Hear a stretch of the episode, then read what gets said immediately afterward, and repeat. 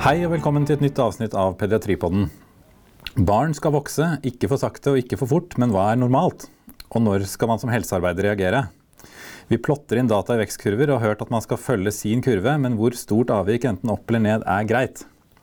I dag har vi et gjensyn med overlege Lars Krogvold fra endokrinologisk seksjon. Velkommen tilbake. Tusen takk. Hva er nytt siden sist? Oh, masse nytt siden sist. Snøen har kommet, og snøen har gått. Og, ja, I det hele tatt. Ja. Eh, så hvor høy skal man egentlig bli, syns du, og hva bestemmer dette? Ja, hvor høy skal man bli, ja? og hvor høy burde man bli? Eh, det er et godt spørsmål, egentlig, fordi det er det som mange foreldre ofte sier, at eh, han eller hun burde jo bli høyere.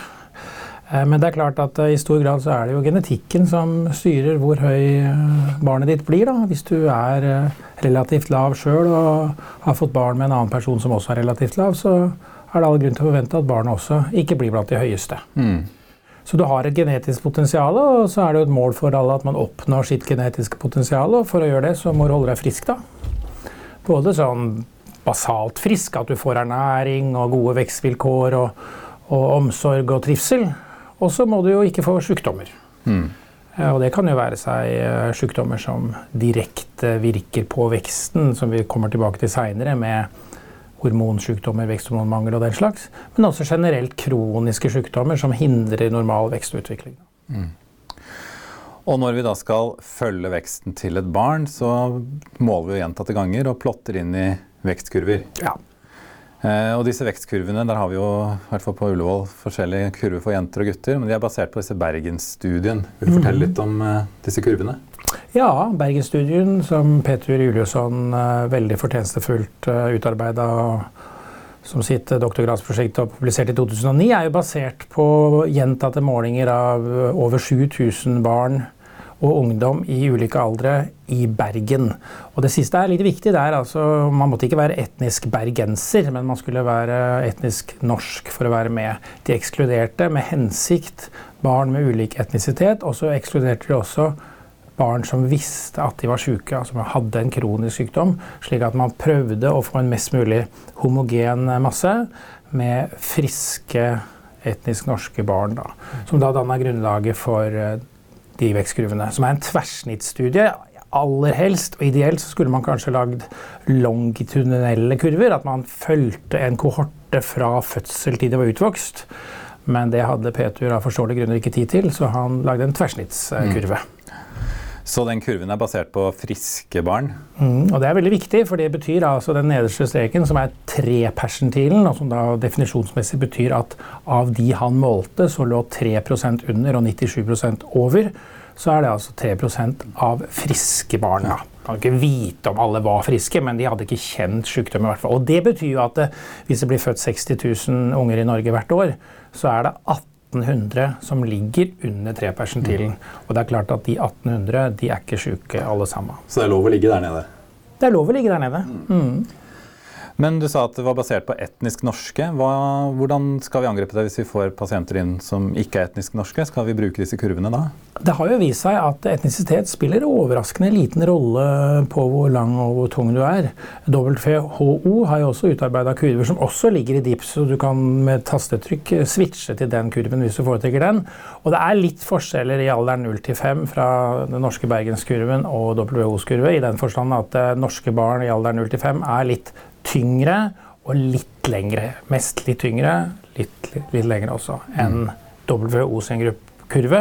Og den er utarbeida ved å gjøre tilsvarende målinger av barn over hele verden som også skulle være friske og vokste opp under optimale ernæringsmessige forhold. Men gitt det, så er det altså overraskende likt, egentlig. Mm. Det man putter inn i kurven, er jo essensielt for å tolke den. Mm. Eh, hvor eh, ofte skyldes bekymring at man måler feil? Sikkert uh, oftere enn man uh, tror. Det er jo det er i hvert fall viktig når man sender henvisninger uh, til en barneavdeling pga. bekymring rundt høyde eller lengde, eller at man faktisk måler. At man ikke baserer seg på den høyden som mor og far har målt mm. på hytteveggen i sommerferien. for å sette det litt på spissen. Mm. At man gjør en så god måling som man får til, og at man da plotter den inn i en kurve og oppgir den. Det setter vi jo pris på. Er det legene som bør gjøre målingene, eller er det bedre at helsestasjons... De som måler mange barn, gjør det?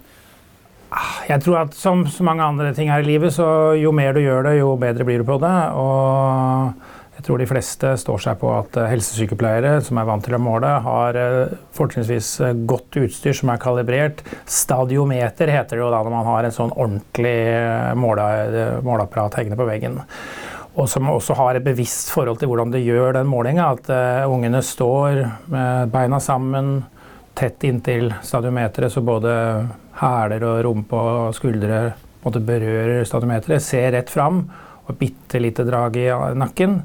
At man da måler likt hver mm. gang, da. Så blir det jo Fordi at eh, jeg syns det er veldig viktig at alle tenker at det med høyde, det er, det er noe dynamikk over det. Ikke sant? Én en enkelt måling er én måling, men flere målinger er det som er veldig viktig, og at man da gjør alle målingene rimelig likt. Og hvis man kan på samme utstyr og sånn, vil bedre kvaliteten på den vekstkurven du får lagd deg. Mm. Så når man da får en del målinger, så kan man jo danne seg en kurve. Og ja. den vil jo noen ganger krysse persentiler enten opp eller ned. Ja. Eh, når er det greit, egentlig? For det første så sier vi at det er helt greit at man krysser kurver de første par leveår som alle vet, alle mormødre vet, så er jo ikke fødselslengden er ikke korrelert med hvor høy du blir som voksen. Mm. Helt ulike faktorer som styrer veksten intrauterint og de første levemånedene, første 6-12 levemånedene, og seinere i barnealder. Så det er helt naturlig at unger krysser sine persentiler og kanaler første 12-18 måneder, og så skal man finne sin kanal, da. Mm. Og så er det like naturlig at man krysser eh, kurvene i puberteten. Fordi, som jeg sa, kurven vi har er en tverrsnittskurve, så der syns pubertetsspurten som en bitte liten bulk. Men for det enkelte individ så er pubertetsspurten heftig og stor. Og da vil du, hvis du er sein i puberteten, vil du falle av. Og hvis du er tidlig, så vil du akselerere i forhold til gjennomsnittskurven. Mm. Og hvis man da ligger enten høyt på Man måler jo ofte mer enn lengde, man måler jo vekt og hodeomkrets også. Hvis man mm. ligger sånn lavt på alle tre, er det, og det er proporsjonalt, skal man da være bekymret, eller kan man slå seg til ro da ved at det er en kort og lett person? Nei, da tenker jeg at det avhenger av mange andre ting før du kan si at du skal slå deg til ro på det. Det er klart at Vi som jobber på endokrinologisk side, vi vil jo være opptatt av de ungene der som er proporsjonalt tunge og korte. Eller lette og korte, tunge og lange, må det bli. Mm. Mm. Ja. Mens da kanskje andre seksjoner, eh, jobber med ernæring og gastro, kan være opptatt av de som da er f.eks. bare tynne. Mm. Eh, men vi er jo også opptatt av, og det er klart med de kurvemulighetene vi har nå i, i DIPS, så kan du få KMI-kurver ved tastetrykk, og du kan få, få hodeomkretskurver og alt, så det er klart at du får mye. Men, men når du da har et barn som er uh, lavt og tilsvarende lett, så kan man jo da vurdere om det er en unormal lav høyde for den ungen i forhold til de tingene jeg sa på begynnelsen, da, med genetisk potensial og ernæring og den slags. Mm. Og så er det ofte en problemstilling jeg i hvert fall mest på poliklinikken, at det kommer barn da, som er ekspremature, som da ofte starter litt lavere enn andre. Eh, hvor, hvor, skal disse ende opp, de som på en måte har startet, hatt kort svangerskap? Og mm. Nei, de skal jo ende opp som alle andre i utgangspunktet. Og det er klart at man, jeg tror man skal mentalt for seg sjøl skille mellom prematur og dysmatur. Fordi prematur er jo interessant at du er født for tidlig, men da er det også gode vekst- og lengde- og vektkurver for de, som også ligger i, i DIPS-systemet. Kan du plotte inn det? Eh, og så vil det være spørsmål om når skal du på en måte skifte fra korrigert alder til reell alder og sånt. og det får vel bare gå seg til, tenker jeg. Mm. Men derimot de som er dysmature, altså small Forgestational age, SGA, som er et eget sånn diagnostisk um, begrep, de skal man jo følge spesielt med om de da har denne innhentningsveksten som det store store flertallet av dem vil ha, men mm. som et lite mindretall ikke har. Mm. Men vil det være forventet at de kan komme langt opp på 50-persentilen? Ja. ja. De kan, de, det er forventa at de, eh, hvis uh, to uh, store individer får et barn som da av intrauterine årsaker har vokst dårlig, så er det forventa at den ungen skal ha en innhentingsvekst og komme opp på sitt uh, genetiske potensial. Mm. Nå tenkte jeg å skifte litt over til uh, lav vekst, de som altså er korte. Mm. er det noen definisjon på når man er kortvokst? Ja, altså det er jo vanlig å På en måte kan man si at det er litt så vanlig å definere kortvokst som at man ligger under denne trepersentilen, da, som er på mange måter tilsvarende minus to standarder vik. Mm. Som kan være normalt? Som i veldig stor grad vil være normalt. ikke mm. sant? Sånn at um, um, Da må du begynne å trekke inn andre da må du ha en annen informasjon for å kunne si om den er en patologisk kortvokst, eller om det bare er lav høyde. Mm. Um, og det er jo viktig, og jeg tenker alle må kunne det med å beregne midtforeldrehøyde, ja. som er et um, enkelt og grovt mål på ditt genetiske potensial. At du tar, hvis du har en gutt på kontoret, så tar du fars høyde. Og så legger du til mors høyde pluss 13, og så tar du gjennomsnittet av det. Mm. Hvis far er 180 cm og mor er 160, så blir det 173 pluss 180, og midt imellom der er 177. Og så blir jo selvfølgelig ikke den gutten akkurat 177. Han blir 177 pluss minus 10 cm, mm. pleier vi å si. Og mange foreldre sier da men hva skal jeg med den kunnskapen? Altså et eller annet sted mellom 167 og 187, det sier meg jo ingenting. Ja. Men det gjør litt det hvis den gutten ligger an til å bli 1,60. Så sier det noe om at dette er en overraskende lav høyde i forhold til det genetiske potensialet. Mm.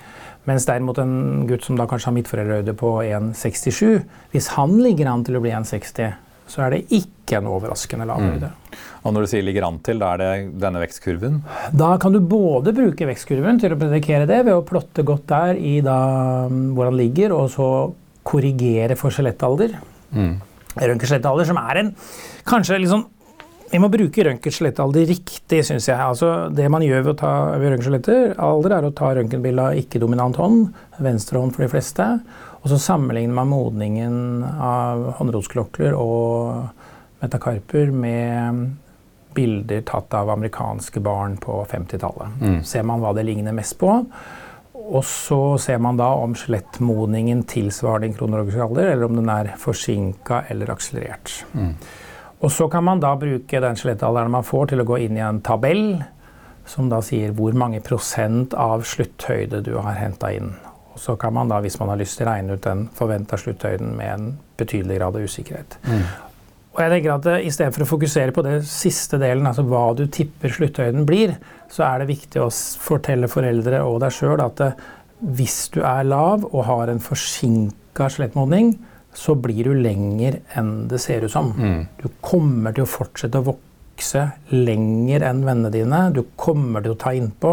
Du kommer sannsynligvis seinere i puberteten også enn vennene dine. Men til slutt så får du eh, en innhentning, og så drar du innpå. Mm. Og motsatt, de som er bekymra fordi de er så lange. Hvis de da har en akselerert skjelettmodning, så blir de lavere enn du ser ut som. For min del husker jeg godt Hege, som jeg dansa med i 5. klasse mye mye høyere enn meg, så knapt nok uh, haka hennes.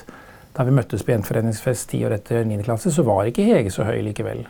Hun brente kruttet litt tidlig. Ja, Det var sikkert fint å se. ja, det, det, er jo stor variasjon, og det er jo også genetisk, dette her. At man spør foreldre hadde du tidlig eller sein pubertet. Mm. Veldig veldig mange mødre husker godt det når de var i puberteten, når de fikk første mens. Så du kan få konkret og god informasjon om det. Fedrene husker det ofte ikke. Mm. Er det også informasjon man kan plotte inn sånn når de pubertetsforeldre Nei, det tror jeg ikke. Nei? Man kan skrive ut journalen. Jeg tror ikke man mm. kan plotte det inn. For når er det man eh, Man må jo selvfølgelig snakke med foreldrene og høre på alle disse tingene. Når er det man skal gå, Hvor langt skal man gå i utredning på disse barna? Ja, de færreste av de ungene som har en, en aktuell høyde under trepersentilen, trenger egentlig en utredning. Så hvis du har da en høyde som da er minus to standardavvik, og som er avflatende, og som er mer enn 10 cm unna midtforeldrehøyden, så syns jeg de skal utredes. Mm. Og så kan man nok også si at de som har en høyde som er mindre enn minus 2,5 standardavvik, som i praksis ofte er 5 cm under trepersentilen, de kan du kanskje utrede uansett. Mm. kan jo være at det er en arvelig tilstand. sånn at Selv om midtforeldrehøyden også er lav, så kan jo enten mor eller far ha et eller annet som man har nedarva. Så det er ikke det at det, det kan jo være en eller annen tilstand, en forklaring på lav høyde som går i arv. Mm. Og utredningen, hvor, eh, hvordan går vi fram der? Nei, nå har vi jo snakka mye om anamnese da, og få gode data på genetikken. Det har vi vært gjennom. Og når det gjelder hovedpersonen barnet, så prøve å få inn data fra helsestasjon, vedrørende fødselsvekt og lengde, hvordan veksten har vært de første leveårene, hvor de blir fulgt ganske tett på helsestasjonen, ikke sant? så det er mulig å innhente det ofte. Og så da måle de grundig ordentlig. Ta en annen generell anamnese på andre kroniske sykdommer, om det er mistanke om det. Og danne seg et bilde om Jeg syns det er viktig å prøve å danne seg et bilde om det barnet du har på kontoret, er frisk eller sjuk. Mm. Liksom, liksom, det er jo tross alt derfor den er der. Det er jo for så, hvis foreldrene er der deres utgangspunkt. Veldig ofte vil foreldrene si at det, nei, selvsagt, vi er jo ikke redd for at han er syk. det er jo ikke derfor Vi er mm. Vi har aldri tenkt at Bjørnar er frisk som en fisk. Han er bare så lav. Mm. Og det er klart at Hvis de tenker det sjøl, så er det jo sannsynligvis sånn at Bjørnar også er frisk. De fleste andre sykdommer har jo noen symptomer. Mm. Vi tar mye blodprøver av dem. Hvis de først har kommet helt inn til Oslo universitetssykehus endokrinologisk seksjon, så skal det godt gjøres å gå ut uten å ta blodprøver, selv om vi øver oss. En god dag. Men, så det blir jo fort at man tar en generell status. ikke sant? Mm. Med blodprosent, ferritin, D-vitamin. Så tar man ofte screening med tanke på cøliaki. Så tar man jo hormoner da, med tyridiastatus. tar man veksthormon, IGF-1, IGF-bindeprotein 3. Veksthormon er vanskelig å ta. Ja. Det skilles ut i pulser. I løpet av et døgn så har du kanskje fem til åtte pulser med en skikkelig sprut med veksthormon, og utenom den tiden så er det nivåene veldig lave. Mm. Så en negativ eller en lav verdi av veksthormon utelukker jo ikke at du lager for lite en høy verdi, og da i praksis over sånn ca. 7,5 til 10, vil bekrefte at du lager veksthormon. Mm. Så det du heller måler og måler veksthormonene, det er IGF-1? Ja, insulin growth factor 1, IGF-1, lages i leveren som en respons på veksthormonet. ikke sant? Og stor variasjon, og de som er lavest og yngst, har også lavest nivåer. Mm. Og referanseområdene, som du sikkert veit, er veldig vide. Mm. Så men det er klart, to lave IGF-1-verdier styrker jo mistanken om at det er en helt eller partiell veksthormonmangel. Mm. Hvis du da har en pasient som er lav, og det er lav midtforeldrehøyde, kanskje litt kort svangerskap, men du finner ikke noe galt på blodprøver eller utredning, og røntgen-skjelettalder passer med hans alder, ja. Eh, skal han ha behandling da? Nei, det skal han ikke. Det er egentlig, i, i, teorien så er indikasjoner for veksthormon Hvis du med behandling mente veksthormon, mm. Eh, så er, jo, er det jo sånn at vi behandler de som ikke lager adekvate mengder veksthormon sjøl. Så hvis du enten ikke har mistanke og grunn til å mistenke en uh, veksthormonmangel, eller at testa på det og ikke funnet det, så er det ikke noe å vinne på veksthormonbehandling. Mm. Eh, er bøtta full, så er bøtta full. Det renner på en måte bare ut og gir bare potensielle bivirkninger. Mm. Så det er viktig at alle skjønner det, alle foreldre også får det forklart. Det, for det har festa seg hos noen et litt sånn inntrykk av at veksthormon er så dyrt. Så det er derfor man ikke driver og gir det til alle som har lyst. Mm. Men det er ikke det. Poenget er om det har en potensielt gunstig effekt, om man har evidens for at det virker eller ikke. Mm. Og det virker ikke på genetisk lav høyde. Så når skal man starte? Som, og da, hvis vi da går over til de hvor du vil behandle med veksthormon, når er det man kan behandle? Hvor må du først teste, da. Ja. Hvis du nå er på veksthormonmangel, så må du først ha mistanke om det og ha en, en, en estimert slutthøyde under 3 persentilen under 2, 2 standardavvik, under 10 cm under midtforeldrehøyde og en lav IGF-1-verdi gjerne. Kanskje mm. de tre tingene. Så vil du da gjøre en stimulasjonstest. Og det som jeg tror de fleste i Norge gjør, er arginin-insulintest. Hvor man, hensikten er å framprovosere en veksthormontopp. Og det gjør man med å gi arginin og insulin, som gir hypoglykemi. Og en av de viktigste mot reaksjonene på lavt blodsukker, er altså en sprut av veksthormon ut. Mm. Det er viktig at den testen blir gjort eh, skikkelig og grundig. Man skal ha en reell hypoglykemi. Man kan verifisere at testen er god ved at du får en kortisolrespons også. Og så ser du hva du får i en um, veksthormonverdi. Mm. Og så er det kanskje ikke en sånn helt superdistinkt cutoff, man ser det i lys av de andre tingene jeg sa, men en verdi over tid utelukker egentlig at du mangler veksthormon, og under 7,5 vil bekrefte at du mangler det. Altså mellom 7,5 og 10 kan man kanskje diskutere det med kollegaer og venner. Så det er de under 7,5 som da vil kunne ha effekt av ja, veksthormon? da, hva vil de ha effekt av? Vil man forvente at de har effekt av det? Mm. Hvor lenge kan man behandles med veksthormon og vokse? Ja, da holder man jo på da, til man er utvokst. Ja. Mm, så pleier å avslutte behandling når eh, man enten har oppnådd 99% av slutthøyde på røntgenslettalder, eller når man har en tilvekst siste år på mindre enn 2 cm. Mm. Eller når gutten og jenta er lei og syns at han eller hun har oppnådd en slutthøyde som er helt adekvat, og ikke tenker nå orker jeg ikke flere av de injeksjonene. Mm. Er dette, dette er kanskje behandling som spesialister i endokrinologi skal Dette her bør forbeholdes det. Ja, nei, det skal være ordentlig. Dette her er spesialister i endokrinologi som driver med. ehm, på, på, men alle ehm, sykehusene har jo det. mm. Hvis vi da går til den andre enden av skalaen, de som er veldig høye eh, Vi skulle ikke tatt de andre indikasjonene for veksthormon når vi Jo, først er vi i siget her. Bare så vi liksom, for det stopper stoppa litt, for det er ikke bare de jeg sa nå. Nei. Vi gir også veksthormon til barn med alvorlig nyresvikt. Vi gir det til noen syndromer, Prader-Willi syndrom og Turner syndrom. Og da trenger vi ikke teste. Da får de det på diagnosen fordi vi vet at det hjelper.